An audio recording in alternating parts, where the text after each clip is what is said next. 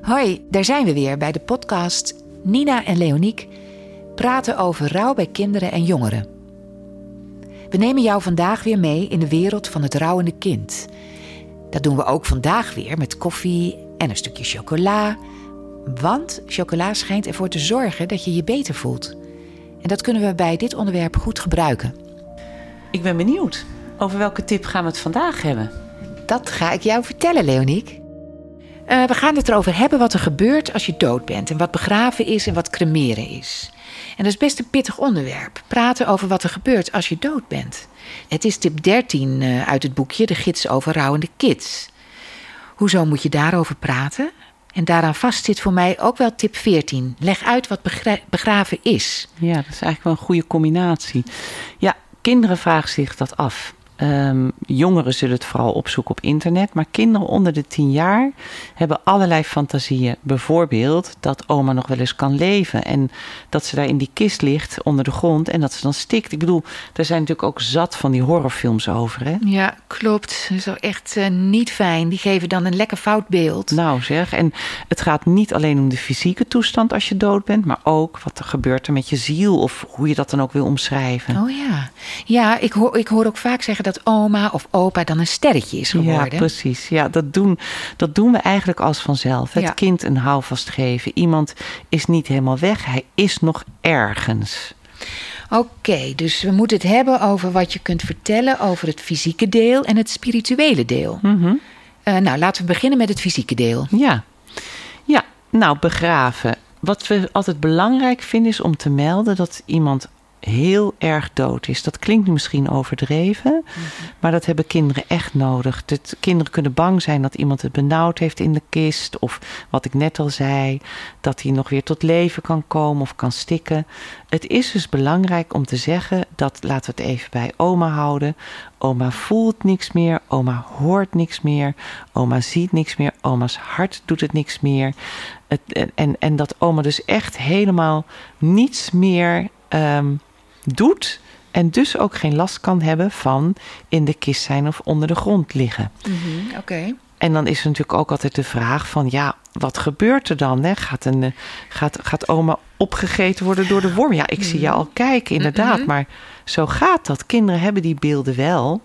Maar als je er goed onderzoek naar doet, of goed onderzoek, je kunt het gewoon googlen, ja. dan zien we dat het lichaam ontbindt. Okay. Want op begraafniveau, ik heb dit ook moeten leren hoor, Nina, echt waar. Okay. Op begraafniveau zijn er geen wormen. Het lichaam Nee. maakt die namelijk zelf. Dat is een proces. Ja, het is ja, echt. Hè? Je wil het eigenlijk niet horen. Maar het is wel fijn te weten voor een kind dat oma niet wordt opgegeten door de wormen.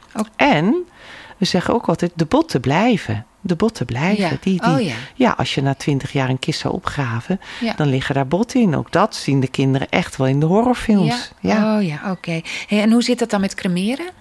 Ja, dat, dat is ook vaak eng om uit te leggen. Want ja, cremeren, dat betekent dus dat je in de oven verbrandt. En dat wil, je wil niet dat je kind het idee heeft dat oma in de oven verbrandt. Ik moet zeggen, als klein kind nam ik dingen heel erg letterlijk. En ik weet wel dat ik het een keertje het woord cremeren hoorde. En dat dat dan betekende in de oven verbranden. En dat ik zo eens naar onze oven in huis keek. En dat ik dacht, hè, hoe past daar dan iemand in? Dus, en zo Ja. kunnen kinderen echt denken. Ik Mhm. merk het bij mij in de praktijk ook vaak. Nu zijn er gelukkig crematoria steeds meer die ook open dagen houden. En dan is het fijn om, nou, ik weet niet of het fijn is, maar het is zeker aan te raden. Zeker als je weet van hé, hey, we hebben grootouders, die zijn al wat ouder, die kunnen wel eens doodgaan. Ga daar eens naartoe.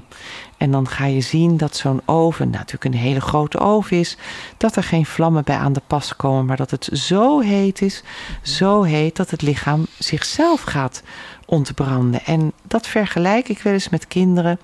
Als je met een vergrootglas vuurtje maakt op een touwtje. Weet je wel, die zon komt tussen dat vergrootglas en dat touwtje dat gaat in de fik. Maar ook daarbij is het weer van essentieel belang dat je aan kinderen uitlegt dat iemand die dood is helemaal niets meer voelt. Laatst hoorde ik nog van een uitvaartondernemer dat, eh, ik weet niet of dat om een opa of een oma ging, doet er niet zo heel veel toe. Mhm. Maar niemand wilde met de kist mee naar de oven. Dat is niet gewoon dat iemand meegaat naar de oven, maar het Nee. gebeurt wel. Maar er was een kind van zes en die was zo super nieuwsgierig. Want zo zijn kinderen. En die wilde wel mee. Die wilde eigenlijk wel eens zien hoe dat daar zou gaan. En uiteindelijk, doordat dat kind mee wilde, ging die hele familie mee. Met die laatste tocht naar die oven. Jeetje, wat een lief verhaal. Ja, hè? Ja. Hey, en, en het spirituele stuk. Ja. Nou, die is natuurlijk ingewikkelder, want daar kunnen we niet zomaar zeggen. Daar is geen bewijs voor. Er zijn misschien mensen die zeggen er is wel bewijs voor, maar ik denk het is heel erg afhankelijk van wat iemand gelooft. En er zijn natuurlijk vele geloven. En de ene gelooft dat je reïncarneert, de ander zegt er is niets meer, de volgende zegt je gaat naar God. Het is, dus wij kunnen daar niet echt een antwoord op geven naar het kind. Oké, Eh, maar wat doe jij dan als een kind Ja. in jouw praktijk die vraag Ja. stelt? Ik krijg hem natuurlijk heel vaak. Ja, Hij is ook onderdeel van mijn therapie, dat ik het daar met kinderen over heb. Maar als hè, voor de toehoorders, en dat is al ook mijn antwoord zijn, Mhm. als je de vraag krijgt van hé, hey, waar is opa nu? Anders dan in de kist, want daar moet je natuurlijk wel even checken of het kind dat misschien bedoelt. Dan kun je altijd vragen, waar denk jij dat opa is? Of als een kind vraagt, wat gebeurt er dan als je doodgaat? Gaat je ziel dan naar God? Of hoe dan ook, kun je altijd zeggen, wat denk jij? Laat het kind het maar zelf vertellen. En dan kun je altijd zeggen, ja, we weten het niet hè. En nou, wat, wat weten mama en papa daarvan? Dus dan breng je het ook weer terug dat het kind het er thuis over kan hebben. oké, duidelijk. En ook dat is voor pubers vaak weer anders, denk Ja. ik, toch? Ja, ik vind zelf dat je met pubers daar echt de mooiste gesprekken over kan hebben. Ook met kinderen trouwens hoor. Maar een puber heeft zo al zelf ideeën. En heeft wellicht ook wel eens de knipperende licht. De, nou, pff, ik kom er niet meer uit.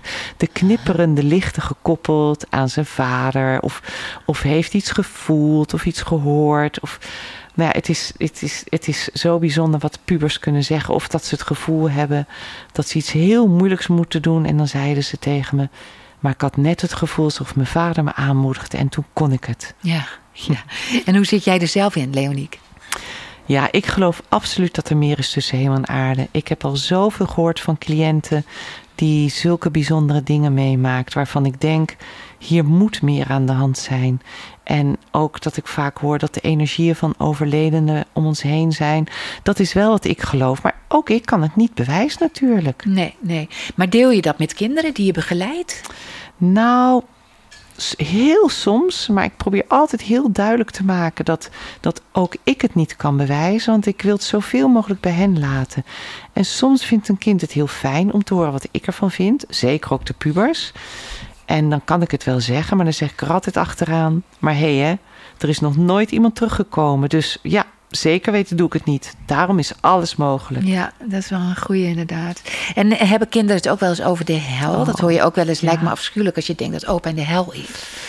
In mijn één op één heb ik het nooit meegemaakt. Maar oeh, ik heb wel een keer een foutje gemaakt door in een klas in Zeeland. Ja. Het is echt heel lang geleden. Ik, ik was nog niet zo lang aan het werk als rouwtherapeut. En ik deed een klassengesprek. Daar was een eh, juf dood gegaan. En in het kringgesprek, ik liet eerst de kinderen een tekening maken met waar je komt als je dood bent. Dat is een standaard onderdeel in mijn therapie. En met zo'n klas is dat een hele mooie oefening, omdat ze daarna met elkaar erover kunnen praten. En ik deed het rondje daarna en één kind zei: Ja, ze is in de hel. En ik meteen, ik vond, nou, ik, meteen mijn eerste reactie was dat ik zei: De hel bestaat niet. Mhm. Maar ik voelde meteen dat ik fout zat. Want het kind had dat wel van huis uit meegekregen. Ja. In zijn geloof Mhm. bestond de hel. Dus ik heb het meteen moeten corrigeren. Maar ik merkte aan mezelf dat ik het zo'n naar idee vond dat een kind dat kon denken. Maar ik heb er ook heel erg van geleerd. Ja, dat kan ik me heel goed voorstellen. Nou. Hey, en wat vind je eigenlijk van dat sterretje? Dat mensen dus vaak tegen kleinere kinderen zeggen: "Oh, opa is een sterretje. Wat vind je daarvan? Ja, ik kan daar van alles van vinden, want het is best ingewikkeld. Want ik denk dan, oké, dus als een kind gelooft dat je een sterretje kan worden, kan je dan ook weer terug veranderen. En kun je een ster opzoeken. Dus het kan weer allerlei andere vragen oproepen. Maar ja, alles wat we geloven kan andere vragen oproepen.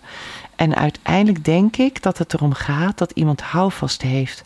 En dat als je kan bedenken dat iemand nog ergens is, dat er nog een lijntje is met iemand van wie je heel veel houdt, dat dat troost kan bieden. En ja, dat dat, dat, dat een fijn gevoel is. Ja, ik denk dat dat ook belangrijk is.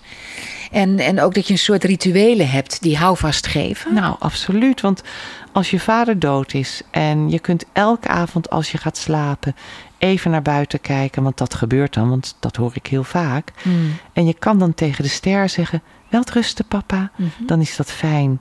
Want het gaat ons er altijd om dat je leert om een nieuwe verbinding te maken met iemand die dood is. Die niet meer verbonden is in het leven, Mhm. maar dat je wel verbonden blijft ook na de dood. En daar is dit wel een mooie manier voor. Ja, begrijp ik. Mooi zeg. Eh Dank je wel weer. Graag gedaan. Dit was de podcast Nina en Leoniek praten over rouw bij kinderen en jongeren. Ik ben Leoniek van der Marel, orthopedagoog, psycholoog en hypnotherapeut, gespecialiseerd in rouw en rouw bij kinderen en jongeren. Op mijn website Het Nieuwe Rouwen vind je allerlei informatie over rouw. Je vindt er blogs en vlogs en natuurlijk ook deze podcast. De regie voor deze podcast is in handen van Kiki Stordio. En zij heeft ook de muziek aan het begin en aan het eind van deze podcast gemaakt.